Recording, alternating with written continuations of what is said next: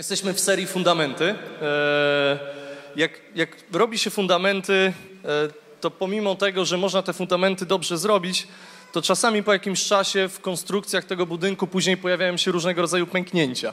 I to nie oznacza, że fundamenty są e, źle położone, tylko czasami to po prostu oznacza, że potrzebują troszeczkę osiąść i te pęknięcia są bardzo często tylko i wyłącznie do tego, żeby je popoprawiać, żeby je naprawić, pomalować i prawdopodobnie już się nie pojawią. Ale też jest taka zasada, że im wyższy budynek planuje się zbudować, tym głębsze fundamenty powinno się wykopać.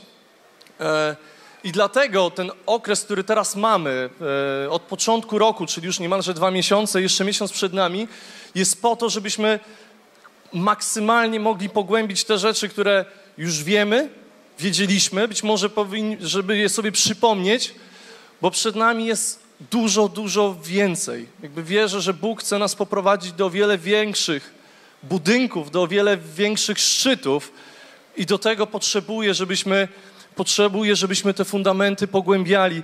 Dla mnie to jest niesamowite, że każdy ten tydzień przynosi mi nowe, nowe jakieś odkrycie, nowe objawienie, nowe jakieś właśnie pogłębienie tego fundamentu. Okazuje mi nowe, nowe kawałki Boga, które objawia się, objawia się w tym słowie, które jest głoszone tutaj e, w kościele.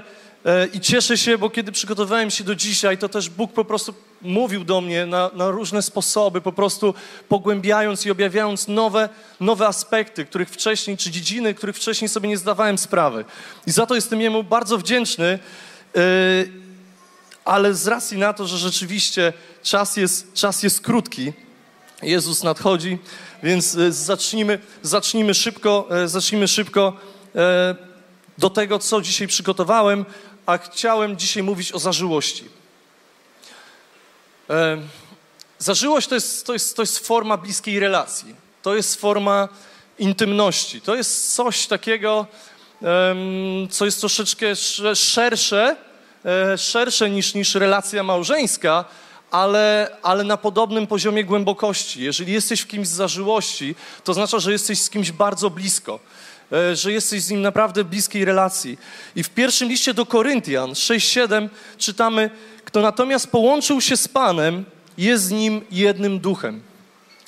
Wierzę, że to jest zażyłość, do której prowadzi nas Bóg, czyli do połączenia się z Nim, do połączenia się z Nim jednym, jednym duchem. I tak jak, tak jak dotychczas mówiliśmy, i generalnie wydaje mi się, że zazwyczaj żyjemy perspektywą relacji Bóg-Ojciec, my jako Jego dzieci, tak to, do czego Bóg nas doprowadza, to jest troszeczkę głębsza relacja, bliższa zażyłość. Nie tylko i wyłącznie jako ojciec i syn, czy ojciec i córka, ale, ale też troszeczkę więcej. I dzisiaj będę chciał, dzisiaj będę chciał o, tym, o tym porozmawiać. Czym jest, czym jest zażyłość jakby w rozumieniu, w rozumieniu życia z Bogiem? To jest na pewno dawanie i przyjmowanie miłości. Bóg nas stworzył, Bóg nas stworzył do tego, żebyśmy, żebyśmy kochali, żebyśmy byli kochani, żebyśmy byli w relacjach e, i przede wszystkim bliska relacja zażyłości to jest relacja, która jest otwarta na okazywaną miłość. W pierwszym liście Jana 3:1 czytamy Zauważcie, jak wielką miłość okazał nam Pan Ojciec. Zostaliśmy nazwani dziećmi Bożymi i jesteśmy nimi. Dlatego świat nas nie zna, że Jego nie poznał. To jest żywa, dwustronna, dwustronna relacja. Zauważcie, jak wielką miłość okazał nam Ojciec. Zostaliśmy nazwani Jego dziećmi. Bóg już okazał nam swoją miłość i cały czas nam ją okazuje.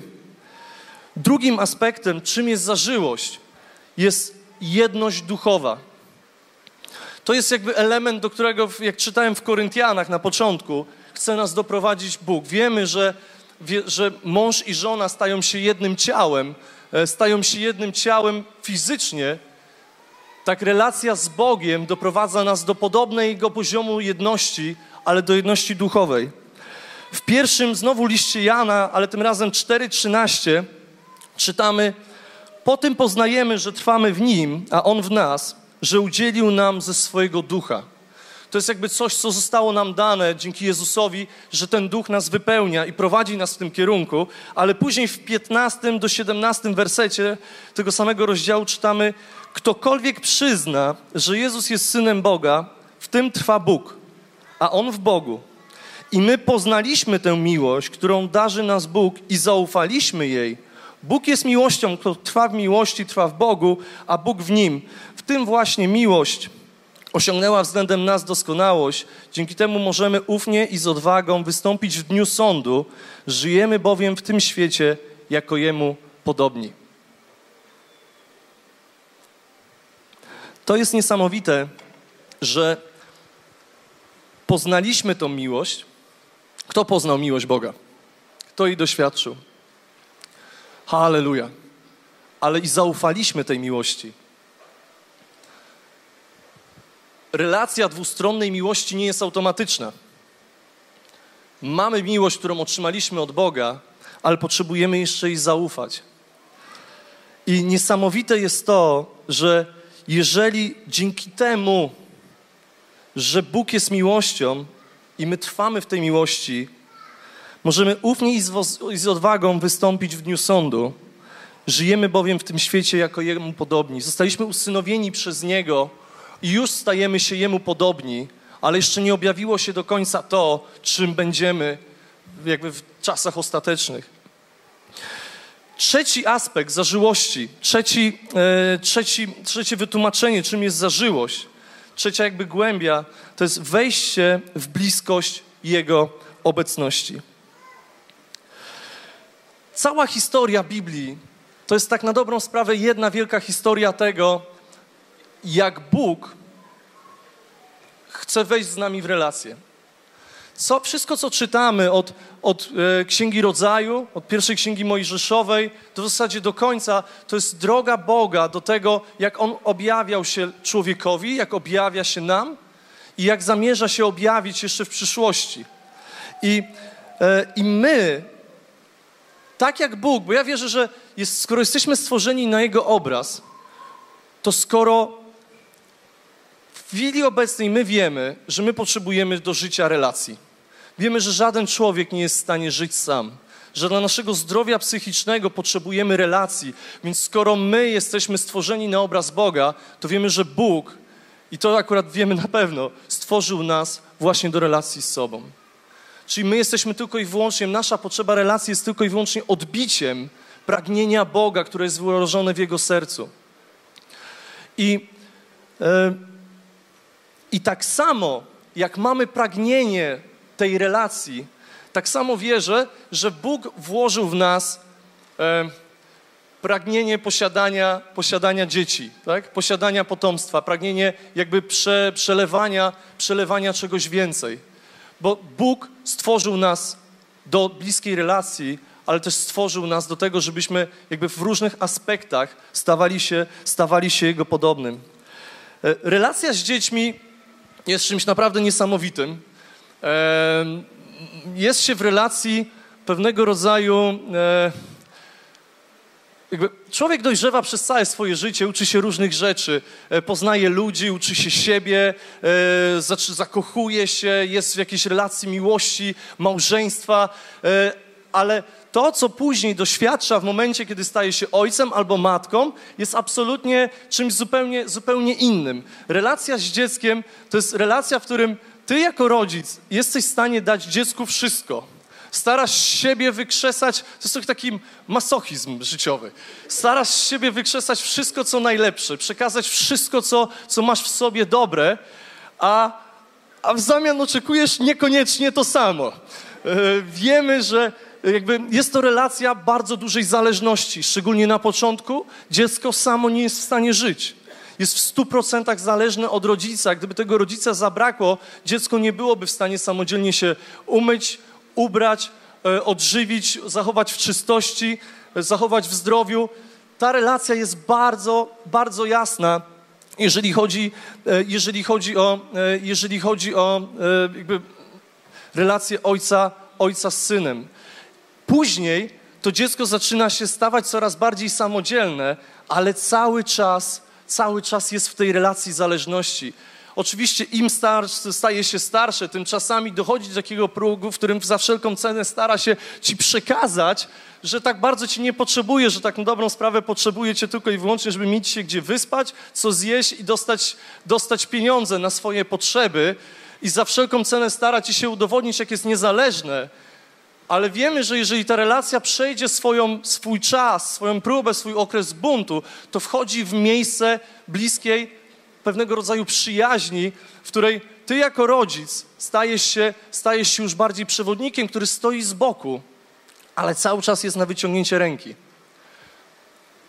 Cały czas jest na wyciągnięcie ręki. I to jest niesamowite, że o ile my na przykład, jak mamy pięcioletnią córkę, Mariankę, ona jest po prostu w chwili obecnej bezwzględnym uzurpatorem uwagi, tak? W sensie takim, że ona domaga się pełnego zaangażowania rodzica w swoje życie i to otrzymuje, i to otrzymuje, ale im dziecko jest starsze, tym bardziej, tym bardziej się od tego rodzica oddziela.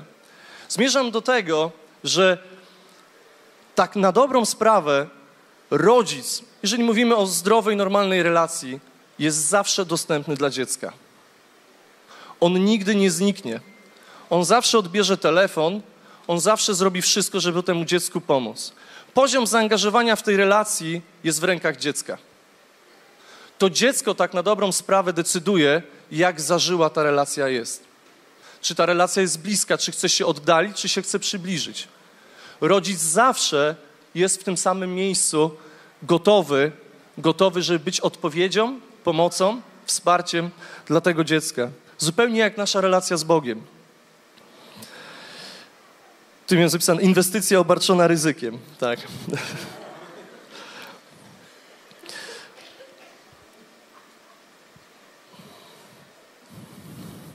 Źle jest.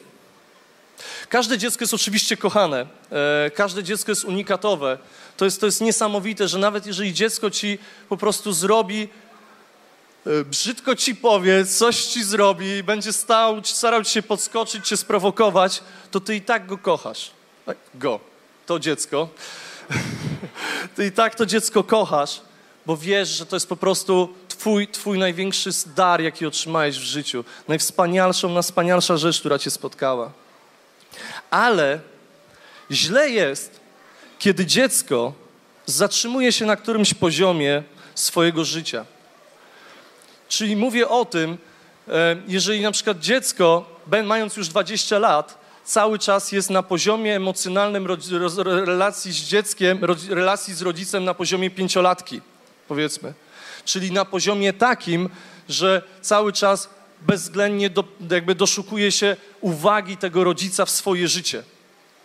Wiemy, że w miarę jak dojrzewamy i jak dziecko dojrzewa, od rodziców też powinno dostawać odpowiednią lekcję niezależności, odpowiednią przestrzeń odpowiedzialności, autorytetu, żeby zdrowo się jakby wyrastać, dojrzewać, żeby nie pozostawiać, pozostawać w miejscu zależności, ale żeby wzrastać do miejsca, do miejsca samodzielności. E, I niewyznaczanie granic zdrowej relacji czy chociażby nienauczenia dziecka zdrowego poczucia bezpieczeństwa sprawia, że to dziecko pomimo wejścia w, w, dorosłość czasami zatrzymuje się na pewnego rodzaju poziomie dzieciństwa i to dzieciństwo niesie z sobą. Jakbym miał pokazać, jak to w Biblii się przekłada ten rozwój relacji, to przytoczyłbym bardzo proste historie, które mamy. Pierwszą historię, historię indywidualnej relacji, po prostu wyłącznej, bezwzględnej, ciągłej, która jest cały czas relacji Adama i Ewy z Bogiem. Gdzie oni mieli do Niego dostęp cały czas. Mogli do Niego przychodzić kiedy chcą, mieli Go na wyłączność. Byli jedyni, mogli z Nim być i przebywać. Ale w miarę jak dojrzewali, jak dorastali, pojawiło się w ich zwątpienie, żeby podważyć to, czy Bóg to, co mówi, jest prawdą. To samo zachodzi w naszych dzieciach. Oni też potrzebują podważyć to, czy rodzic, to co mówi rodzic jest prawdą i czy rzeczywiście oni nie zrobią swojego, nie ułożą swojego życia lepiej niż my im mówimy. W wyniku tej sytuacji, która się zdarzyła, e, na wiele lat, na wiele lat Bóg gdzieś tam, jakby ludzie oddalili się od Boga, aż w końcu Bóg znowu wszedł w przymierze z Mojżeszem. w relacji Boga z Mojżeszem mówimy o bardzo jasnym przymierzu, gdzie spotyka się równy z równym i razem jakby przysiągają sobie żyć razem i razem jakby o siebie się troszczyć. I później mówimy o tym, że jest Bóg e, e, Abrahama, Izaaka, Jakuba. Dochodzi do Egiptu i kiedy z Egiptu wychodzi naród wybrany, już nie jest indywidualnymi jednostkami, z indywidualnymi rodzinami, ale nagle staje się narodem. Nagle staje się e, wielką rzeszą ludzi, co do których Bóg przyznaje się, że Jego przymierze jest wieczne. Dlatego dochodzi do spotkania na górze Syna i ponownie Bóg wyciąga rękę w kierunku człowieka. Pokazuje mu, chcę być z wami pojednany. Bo człowiek w wyniku życia, w wyniku tego, co robił, nie tylko jakby zapomniał o tym, jak, jak, jak, jak, jak, jak, jaki jest Bóg, jakby zapomniał o Jego istocie, ale także nauczył się tego, w jaki sposób od Niego odchodzić. Dlatego pojawia się góra Synaj, gdzie Bóg pokazuje swoją chwałę, gdzie postanawia fizycznie w swojej obecności zejść i stąpić na tą górę, pokazać się w pełnej mocy, w pełnej sile, żeby pokazać narodowi wybranemu, słuchajcie, chcę żyć z wami dobrze, ale chcę, żebyście wy żyli ze mną dobrze, bo ja was kocham, moje przymierze do was jest wieczne.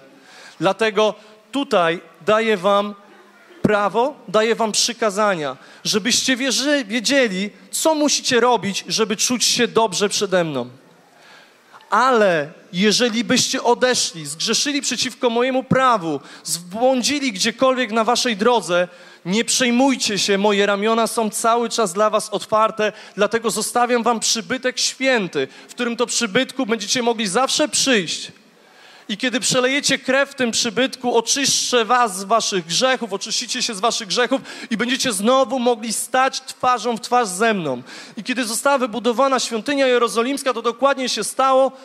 Bóg oświadczył, że On mieszka w tej świątyni i pojawiał się w tej świątyni, żeby cały lud mógł wiedzieć, kocham was. Jestem z wami, nie musicie się ode mnie oddalać. Ale mimo wszystko człowiek oddalił się od Boga znowu i znowu prawo wystąpiło jakby przeciwko i, i ludzie zaczęli składać jakby ofiary bożkom, oddalili się od Boga i doprowadziło to do tego, że znowu na długi czas, na długi czas świątynia została zburzona, ta relacja została złamana.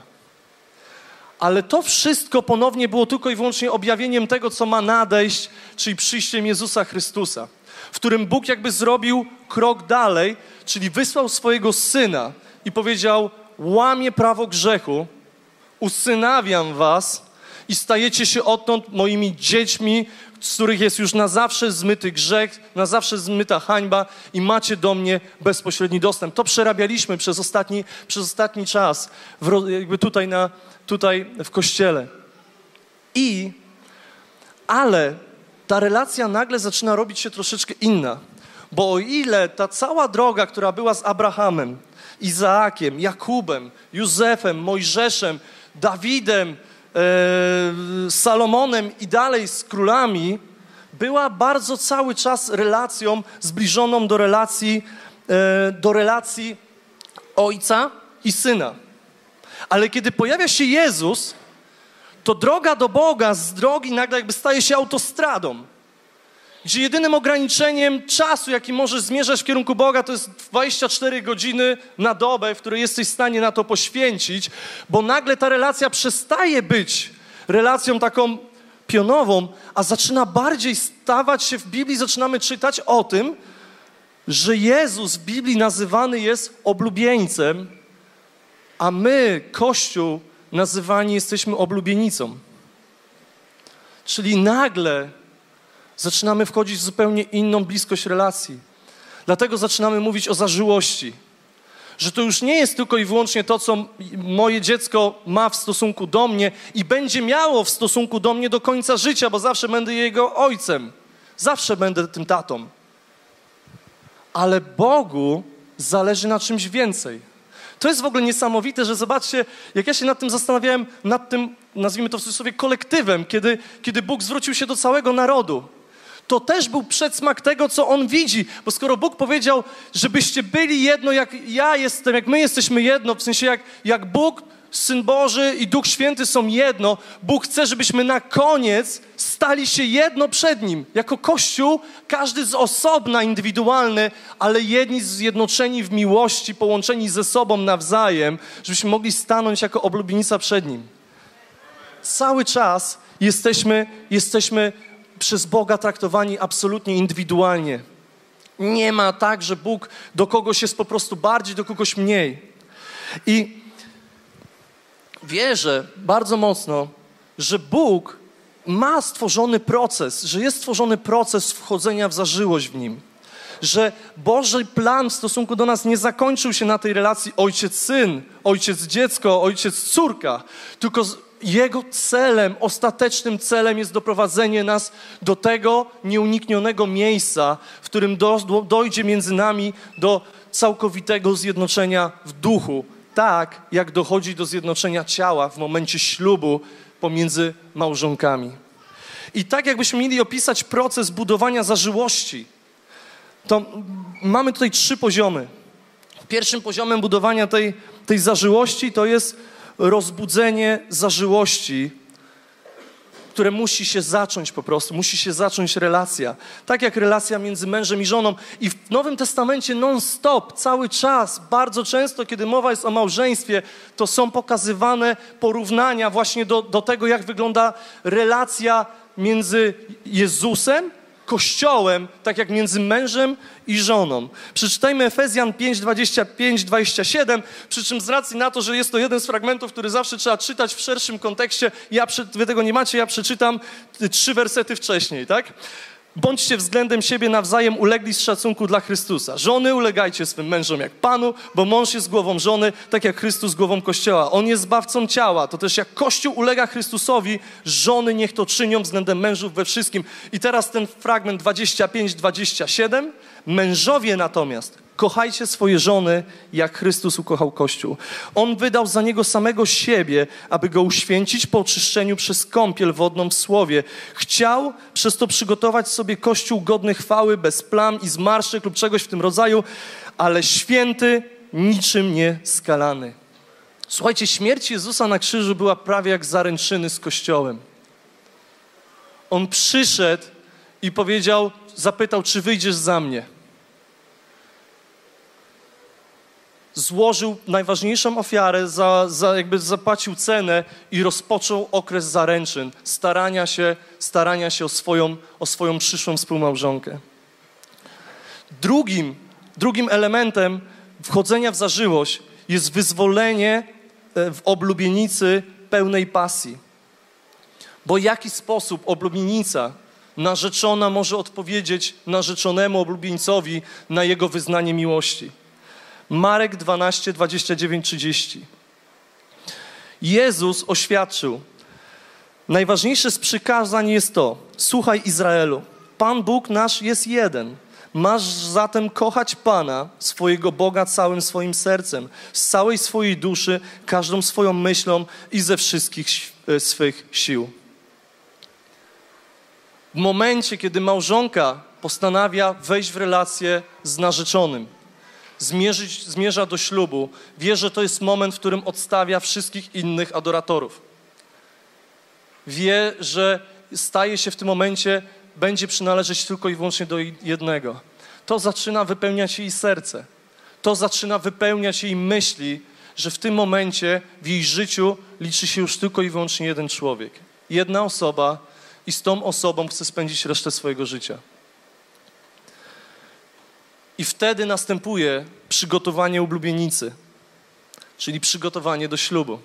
W Apokalipsie 19, 7, 9 czytamy: Cieszmy się, weselmy, oddajmy mu chwałę, bo nadeszło wesele baranka, jego małżonka gotowa. Pozwolono jej przywdziać czysty lśniący bisior. Bisior oznacza sprawiedliwe czyny świętych. Do mnie zaś anioł powiedział: Napisz, szczęśliwi ci, którzy zostali zaproszeni na weselną ucztę baranka, i dodał: To są prawdziwe słowa Boga. I później w 22:17 czytamy, a duch i panna młoda mówią: Przyjdź, kto słyszy, niech powie: Przyjdź. Każdy, kto jest spragniony, niech przychodzi. Kto chce, niech się napije wody życia za darmo. Każda panna młoda w momencie, kiedy rozpoczyna przygotowania do ślubu, wiemy, jaki to jest Fotograf musi być ten jedyny. Kamerzysta musi być ten jedyny. Wszystko musi być to jedyne. Suknia, sala, muzyka, kwiatki na stołach muszą być te dokładnie pasujące pod kolor i kształt wianka. Ja nie będę już dalej na tym pastwił, przepraszam. To jest cudowne, to jest wspaniałe i to jest naprawdę, tak Bóg nas stworzył i tak Bóg stworzył kobiety. Żeby dać nam obraz tego, jak Kościół szykuje się na, na, na zaślubiny z naszym, z naszym Panem. I to, jest, I to jest rzeczywistość, do której Bóg zmierza.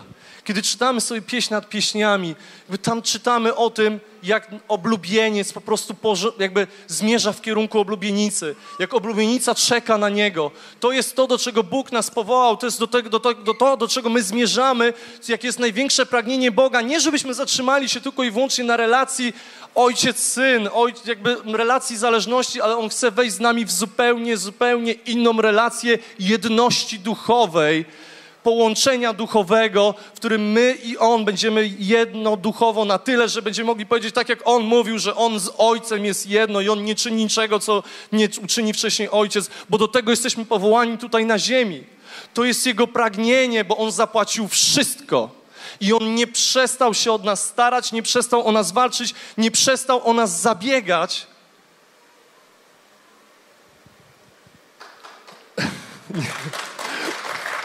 Nie, nie, nie. Słowo mi uciekło. Dziękuję. Oblubień, ale e, podziękujmy Bogu. Tak, przepraszam. E, halleluja. Halleluja. Bóg jest niesamowity. Słuchajcie, relacja, zażyłość z Bogiem. Zażyłość z Bogiem, ja wiem, że prawdopodobnie kobietom łatwiej jest to zrozumieć, e, kiedy ja o tym mówię, niż mężczyznom, bo kobiety dobrze pamiętają to uczucie, ale jestem przekonany, że ty, facecie, który tu siedzisz, też pamiętasz motylki w brzuchu, które miałeś, kiedy byłeś w okresie zaręczyn. Kiedy byłeś w momencie biegania, starania się, yy, wymyślania nowych pomysłów na randki, nowych prezencików i jakie to powodowało emocje. I Boże pragnienie jest zaproszeniem Ciebie do takiej samej relacji ze sobą. Teraz, tutaj na ziemi nie dopiero gdzieś, gdzieś w przyszłości. I dzięki Bogu otrzymaliśmy Ducha Świętego, który również nasze, serce pcha w tym kierunku. Ale dlaczego nie, właśnie nie, nie, nie każdy czuje te, te, te motylki w żołądku? Największą przeszkodą w budowaniu relacji zażyłości z Bogiem jest nasze zatwardziałe serce. A dlaczego? Z różnych powodów. Czasami są powodami jest zranienie, które mamy w swoim życiu. E, budujemy mury dla ochrony siebie. Czasami jest strach przed wejściem w kimś w relację. Kiedy ja mówię o tych cechach, proszę starajcie się um, zastanawiać, czy w waszej relacji kiedyś z jakąś osobą e, występowały tego typu rzeczy.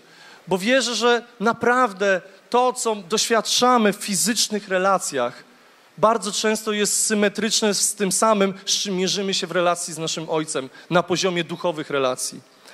Strach przed bezbronnością i zależnością. Czasami nie wchodzimy w relację dlatego, w bliską relację zażyłości z kimś, bo zdajemy sobie sprawę, że będziemy musieli się komuś poddać. Niektóre osoby mają ataki paniki, jak pomyślą o tym, że ktoś będzie w jakimś stopniu decydował o ich życiu, że będą musieli zrezygnować z siebie i zacząć zachowywać się inaczej i robić coś nie, jakby, mm, nie według swojego rytmu, ale zmienić swój rytm. Czasami zniechęcenie. Jeżeli kilka razy nam już nie wyszło w relacji z kimś, to później naturalnie zaczynamy już się powstrzymywać przed dalszymi próbami wejść wchodzenia w zażyłość z jakąś osobą. Czasami jest to grzech. W 1 Jana 1,9 czytamy, jeśli przyznajemy się do naszych grzechów, On jest wierny i sprawiedliwy, przebaczy nam grzechy i oczyści nas wszelkiej nieprawości. Ale pomimo tego, że mamy to słowo, którym możemy walczyć, którym możemy się bronić, to mimo wszystko bardzo często zdarza nam się, że w momencie, kiedy zrobimy coś złego w stosunku do kogoś, to oddalamy się od tej osoby, bo jest nam po prostu wstyd i głupio z tego powodu. Czasami Rozproszenie jest powodem, dlaczego nie wchodzimy w zażyłości. Po prostu lubimy robić coś innego bardziej niż być w relacji z kimś. Czasami problem przed wejściem w zażyłą relację jest po prostu wyrachowanie. Wchodzimy z kimś w relację tylko i wyłącznie do poziomu, do którego nam jest wygodnie w tym, nie wiem, czujemy się bezpiecznie, czujemy się zabezpieczeni, czujemy się zaopatrzeni, ale nie chcemy wchodzić w większy poziom zależności. Jak sobie z tym radzić? Jest tutaj kilka punktów, w jaki sposób rozbudzić w sobie tą po prostu zażyłość, dać Bogu sygnał, ja chcę. Przede wszystkim to, co robimy już myślę od dwóch miesięcy czasu, to jest szukanie Jego twarzy. Poświęć Mu czas, poświęć Mu uwagę. To jest, to jest po prostu no, tak, jakbyś był w relacji z drugą osobą. Nie jesteś w stanie się z kimś zakochać, jeżeli nie spędzasz z nim czasu. Jeżeli nie jesteś w stanie poświęcić pół godziny dziennie indywidualnego czasu spotkania, to nie możesz oczekiwać, że w, to, w Twoim wnętrzu coś się wytworzy. Ja mam taką wstydliwą historię, ale to opowiem, bo to jest akurat dobre w tym momencie. E, miałem kiedyś dziewczynę i ta dziewczyna pochodziła z Lubina. Ja jestem z Głogowa. Z Głogowa do Lubina busem się jeździło, wtedy było w liceum, jeździło się tak pół godziny czasu mniej więcej. Wtedy jeszcze Karoliny nie znałem, e, pomimo tego też, że jest też z Głogowa, e, więc nie, nic się nie wydarzyło. E, a, I słuchajcie, jeździłem do niej, jeździłem do niej raz w tygodniu, raz na dwa tygodnie, rozmawiałem z nią przez telefon parę razy w tygodniu, tak jak być powinno. E, tak jak być powinno. Wszystko szło super. Ja byłem bardzo zaangażowany, starałem się jak mogłem, pomimo tego, że w tym czasie najbardziej lubiłem łupać na komputerze e, i jeździć na, na rolkach, to jeździłem, starałem się i wszystko szło dobrze. Było naprawdę fajnie, szło ok. Ale ja jestem Jacek. E, ja mam, miałem swoje bardzo specyficzne podejście do życia. I w pewnym momencie, mniej więcej w okolicach lutego, marca, dowiedzieliśmy się, że razem pojedziemy na wakacje z, z, z obozu z KGHM-u. Mój tata pracował w KGHM-ie, zawsze na wakacje jeździłem na kolonie, było super. I dowiedziałem się, że pojadę z nią na te kolonie, że ona się zapisała na ten sam turnus co ja, że jest wszystko dobrze. I ja do niej zadzwoniłem i powiedziałem, cześć, e, jedziemy razem, jedziemy razem, ale super, ale fajnie, dobra, okej, okay, okej, okay, okej, okay. to do zobaczenia na wakacje.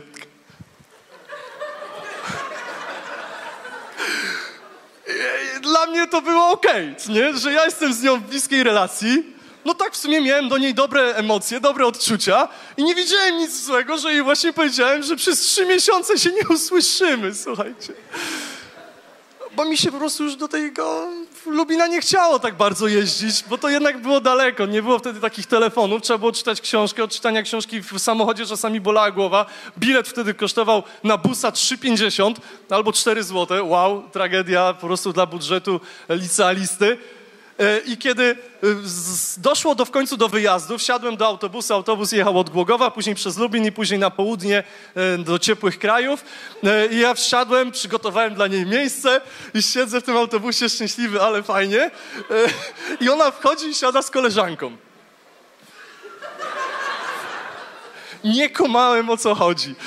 No to ja zaprosiłem kumpla z Lubina, siadł, pojechaliśmy całą drogę. No i na miejscu się pytam, o co chodzi? Przecież ty ze mną zerwałeś. A ja mówię, jak ja z tobą zerwałem? Przecież tylko powiedziałem za trzy miesiące. Nie powiedziałem, zrywam z tobą, chcę być z tobą w relacji. Ale słuchaj, ja płakałam przez dwa miesiące, bo uznałam, że po prostu ze mną zrywasz.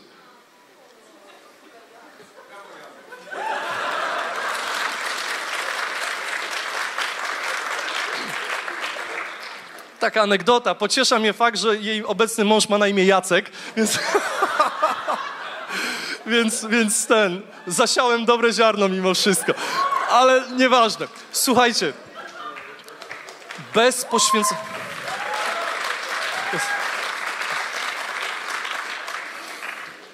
Bez poświęcenia czasu nie ma relacji. A już na pewno, to mnie nauczyło tego, a już na pewno bez po prostu poświęconego, gdzie ty naprawdę poświęcasz ten czas, nie powstaną w Twoim sercu żadne motylki. Nie powstanie emocja, jeżeli najpierw nie będzie, nie będzie odpowiedzi w postaci chęci spędzenia czasu, w postaci poświęcenia fizycznie, fizycznie tego czasu. I to jest, i to, jest to, co jakby do, do, do czego Bóg nas wzywa, ale Bóg, najśmieszniejsze jest to, On nie zostawia nas samych w tym, weź się staraj, a jak się odpowiednio postarasz, to ja do Ciebie przyjdę. Bo Bóg sam ze swojej strony nie przestaje czekać na nas. W drugiej kronik 16:9 czytamy: Pan bowiem przegląda całą ziemię, by wzmacniać tych, którzy trwają przy nim całym sercem. Amen. Słuchajcie, Bóg przegląda cały czas całą ziemię i szuka tych, którzy trwają przy nim sercem, którzy go szukają. To jest jego największe pragnienie, po to on nas stworzył, żeby mieć z nami relacje. W Psalmie 102 czytamy: Służcie Panu z radością, przychodźcie do niego z weselem regularnie. W Psalmie 4, 2 do 9 czytamy: Boże mojej sprawiedliwości, odpowiedz na me wołanie. Ty mnie wyrwałeś z niedoli, a teraz okaż mi łaskę i wysłuchaj modlitwy. Jak długo wy wpływowi będziecie deptać moją godność, jak długo hołdować próżności i wymyślać kłamstwa? Pamiętajcie, Pan tego, który jest mu oddany, otacza szczególną troską. On słyszy, gdy do niego wołam. Lepiej drżyjcie, nie grzeście, opamiętajcie się w głębi serca, gdy na posłaniach leżycie i zamilczcie. Szczerze złóżcie ofiary i zaufajcie Panu. Wielu pyta, kto okaże nam dobroć? Zalśnij nad nami światłem Twej przychylności, Panie. Napełniłeś me serce większą radością niż ta, którą przynoszą ofite zbiory z pól oraz z winnic. W spokoju się ułożę i beztrosko usnę. To dzięki Tobie, Panie, czuję się bezpieczny. To jest Boża obietnica dla naszego, dla naszego życia. Zbliż się do Boga, szukaj Go. Poświęcaj na to, to, co masz najcenniejsze w swoim życiu, czyli czas. W Jakuba 4:8 czytamy: Zbliżcie się do Boga, a On zbliży się do Was. Obmyjcie ręce grzesznicy i oczyście serca wychwiejni. Zbliżcie się do Boga, On zbliży się do Was. Bóg to powiedział, On to obiecał. Nie ma innej opcji. Nie ma sytuacji, w której po prostu na nasze wezwanie, na naszą chęć, na nasze poświęcenie nie będzie, nie będzie od Boga odpowiedzi. To, z czym my się najbardziej mierzymy, to jest niestety nasze zatwardziałe serce. W Biblii bardzo często jest to nazywane jako kamienne serce. I to jest niesamowite, że Bóg wie, że każdy z nas prawdopodobnie prędzej czy później w swoim życiu wrośnie w niego kamienne serce. To jest prawie, że automatyzm, który się dzieje. Bo w momencie, kiedy moja córka pięcioletnia w chwili obecnej patrzy we mnie jak w obrazek i oczekuje mojej pełnej uwagi, a ja staram się jej wyznaczyć już granice relacji, to to tak czy inaczej, jakbym tego nie chciał i tak tworzy w niej zranienie. I tak tworzy w niej miejsce, w której ona zdaje sobie sprawę, że nie ma aż tak bardzo bezpośredniego dostępu do mnie, a przynajmniej nie taki, jaki ona by oczekiwała. I chcąc, nie chcąc, każdy z nas w wyniku relacji, w wyniku sytuacji, już jako dziecko, już jako pięciolatek, ma stworzone w sobie, stworzone w sobie serce, serce z kamienia. Bóg o tym wie, już w Ezechiela 36, 26 powiedział, dam wam serca nowe, nowego ducha włożę wasze wnętrza, usunę z was serca kamienne, a dam wam serce mięsiste. Bóg wiedział, że każdy z nas prawdopodobnie, a w zasadzie stuprocentowo, wchodząc w relację z Nim, będzie na jakimś aspekcie mieć kamienne serce, które będzie oddzielało Go od, w sensie oddzielało nas od Niego i dlatego On już zapowiedział, że On będzie chciał to serce kamienne wymienić. Będzie chciał dać zupełnie inne serce, które będzie bardziej otwarte. I e, bardzo często, dlatego o tym mówiłem, to w jaki sposób potraktujemy innych, to w jaki sposób mieliśmy relacje z innymi, jest tak na, tak, na, tak na dobre tylko i wyłącznie obrazem tego, jakie podejście mamy jego, jakie mamy do Boga. Ja bym poprosił już y, Michała. I tutaj to, co myślę, że Bóg najbardziej chce się w nas, jakby z czym chce nam pomóc, czym, przez co chce nas przeprowadzić, to jest właśnie przez miejsce, przez miejsce poradzenia sobie z naszym kamiennym sercem. Przez naszego rodzaju, nasze y, różnego rodzaju systemy, w których jesteśmy. Ja dużo jeździłem na kolonie, właśnie i na ferie z KGHM-u, to były dobre czasy, złote czasy, ale to, co było w feriach i, e, i na koloniach fajne, to jest to, że tam się jeździło na 2-3 tygodnie i w tych dwóch, trzech tygodniach byłeś w stanie się stać zupełnie inną osobą. Przez 2-3 tygodnie byłeś, być, być, byłeś w stanie być kimś innym. Byłeś w otoczeniu ludzi, których trochę znałeś, ale którzy nie znali cię na co dzień z reguły. Mogłeś przez ten jakiś czas udawać zupełnie kogoś innego, starać się, ale ja pod koniec liceum zauważyłem, że nie jestem w stanie budować głębokich relacji, że nie jestem w stanie się przed nikim otworzyć. Moja pierwsza dziewczyna po nawróceniu, przepraszam, że tak mówię, ale to jest, to jest też to jest hit. Ja, jak, jak już się nawróciłem, to było miesiąc później, sobie myślałem, dobra, jestem gotowy na związek, już jako wierząca osoba. I ja się z nią spotykałem, siedziałem obok niej i nie wiedziałem, co powiedzieć. I ona o 22 mówiła, wiesz co, idę już spać. Ja mówię, dobra. I ja wychodząc, e, wołała mnie jej starsza siostra i jej mama, szedłem do salonu i gadałem z nimi do pierwszej, drugiej nad ranem. A przy niej nie potrafiłem nic powiedzieć, bo udawałem. Cały czas tworzyłem obraz osoby, której nie byłem, kiedy ją podrywałem. I, I to jest niesamowite, że ja później miałem bardzo długi czas, gdzie nie wchodziłem w żadne relacje, bo wiedziałem, że ja nie jestem w stanie być w żadnych relacjach, dopóki tak na dobrą sprawę najpierw nie poradzę sobie z tym, w jaki sposób widzę siebie i kogo udaję, kim jestem.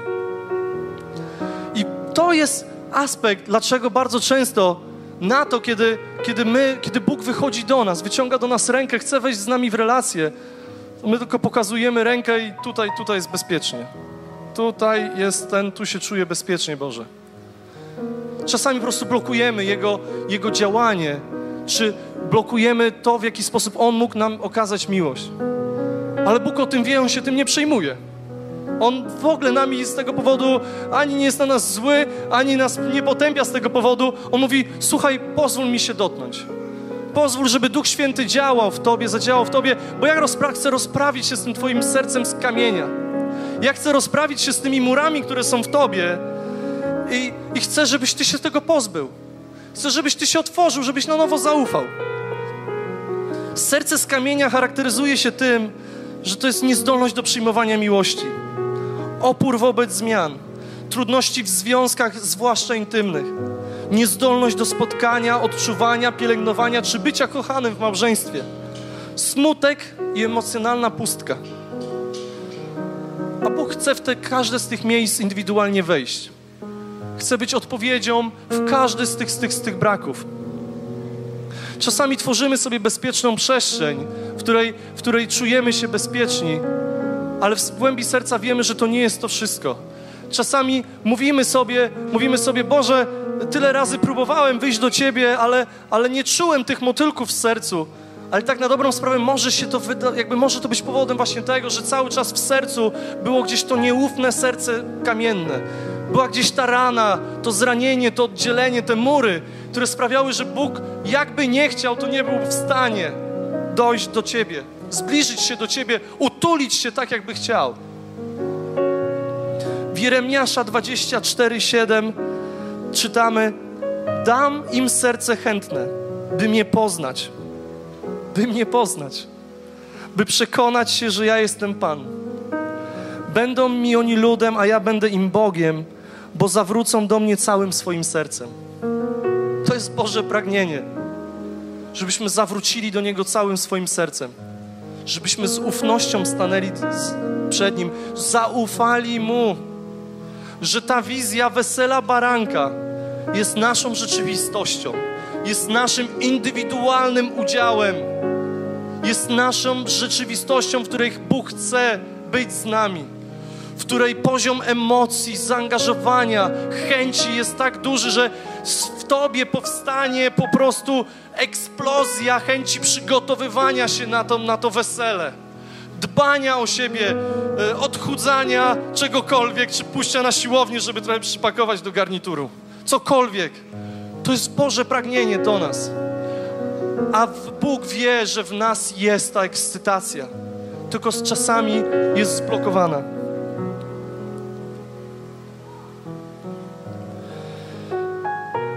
żeby uruchomiły się te naturalne chęci, potrzebuj, potrzebujemy po prostu pragnienia, a Bóg chce przynieść nam realną zmianę. Chciałbym nas teraz zachęcić do tego, żebyśmy się chwilę pomodlili. I w tej modlitwie, żebyśmy się też zastanowili, czy jeżeli kiedykolwiek czułeś się w miejscu takiego właśnie e, zranienia, czułeś, że w relacjach jesteś trochę oschły, czy że w relacjach nie jesteś wystarczająco bliski, e, że jak, jakkolwiek wiesz, że ranisz ludzi i bardzo łatwo jesteś raniony przez ludzi. Duchu Święty, proszę Cię, żebyś teraz działał pośród nas. Duchu Święty, proszę Cię, abyś teraz dotykał nas.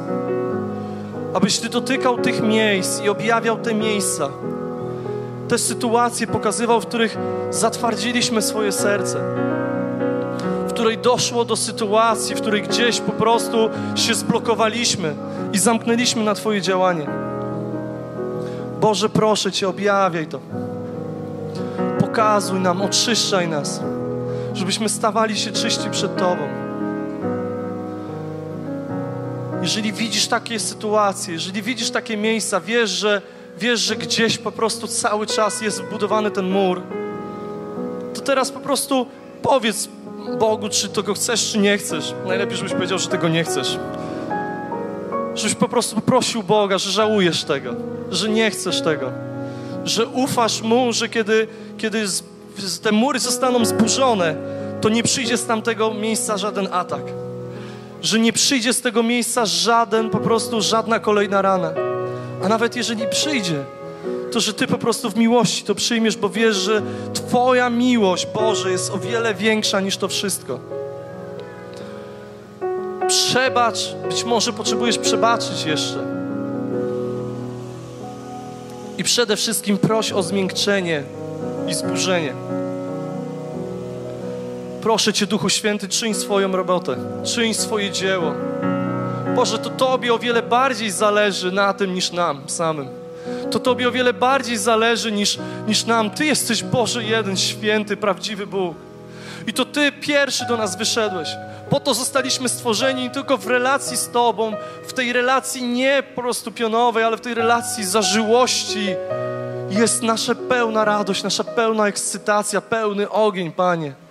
Proszę Cię, Duchu Święty, teraz czyń swoje dzieło. Kiedy się modliłem, przyszła mi taka, przyszła mi taka myśl, być może ona jest dla kogoś. Miłość nie jest słabością. Być może wyrosłeś w rzeczywistości, w której tak było mówione. Bardzo często mężczyźni mają z tym, mają z tym problem, że okazywanie miłości jest jakąś formą słabości, a bycie zakochanym jest głupstwem. Nie jest. Nie jest. Dlatego Bóg nas stworzył jako swoich dzieci przede wszystkim. To, jakie głupoty Marianka robi ze mną, to nikt inny nie robi. I ja za to jestem wdzięczny, bo przez to, przez te dzieci Bóg objawia siebie, swój plan i tego, jak wszystko jest stworzone na obraz naszej relacji z Nim i tego, do czego zmierzamy. Boże, ja dziękuję Ci za Twoje dzieło, za to, co Ty robisz. Dziękuję Ci za to, w jaki sposób Ty działasz, jak Ty troszczysz się o nas i że Ty nigdy nie przestajesz, że Ty nigdy w nas nie zwątpisz, że Ty nigdy się nie poddasz. Proszę Cię, Boże, abyś Ty wziął to serce kamienia i rozbił je raz na zawsze. Czasami kamień musi być bardzo mocno rozgrzany w ogniu, żeby się stopił. Być może potrzebujesz tego czasu po prostu rozgrzania, przebywania w ogniu Ducha Świętego żeby ten kamień po prostu stał się miękki, stał się lawą i żeby wypłynął i żeby zostało mięsiste serce. Serce, które jest otwarte, które jest uważne, które jest słuchające, które jest ufne, które jest kochające ludzi, kochające Boga. Bóg, niech proszę Cię, Duchu Święty, abyś teraz jakby wszczynał w nas, tworzył w nas to pragnienie po prostu przygotowywania. Po prostu to pragnienie tego, że kiedyś będziemy numer jeden na pewnym weselu. Że kiedyś będzie taki jeden ślub i to my będziemy na pierwszym miejscu w tym ślubie. To my będziemy głównym wydarzeniem wieczoru. U boku Jezusa Chrystusa. Tak się niebo raduje z tego. Halleluja. Dziękuję Ci Boże.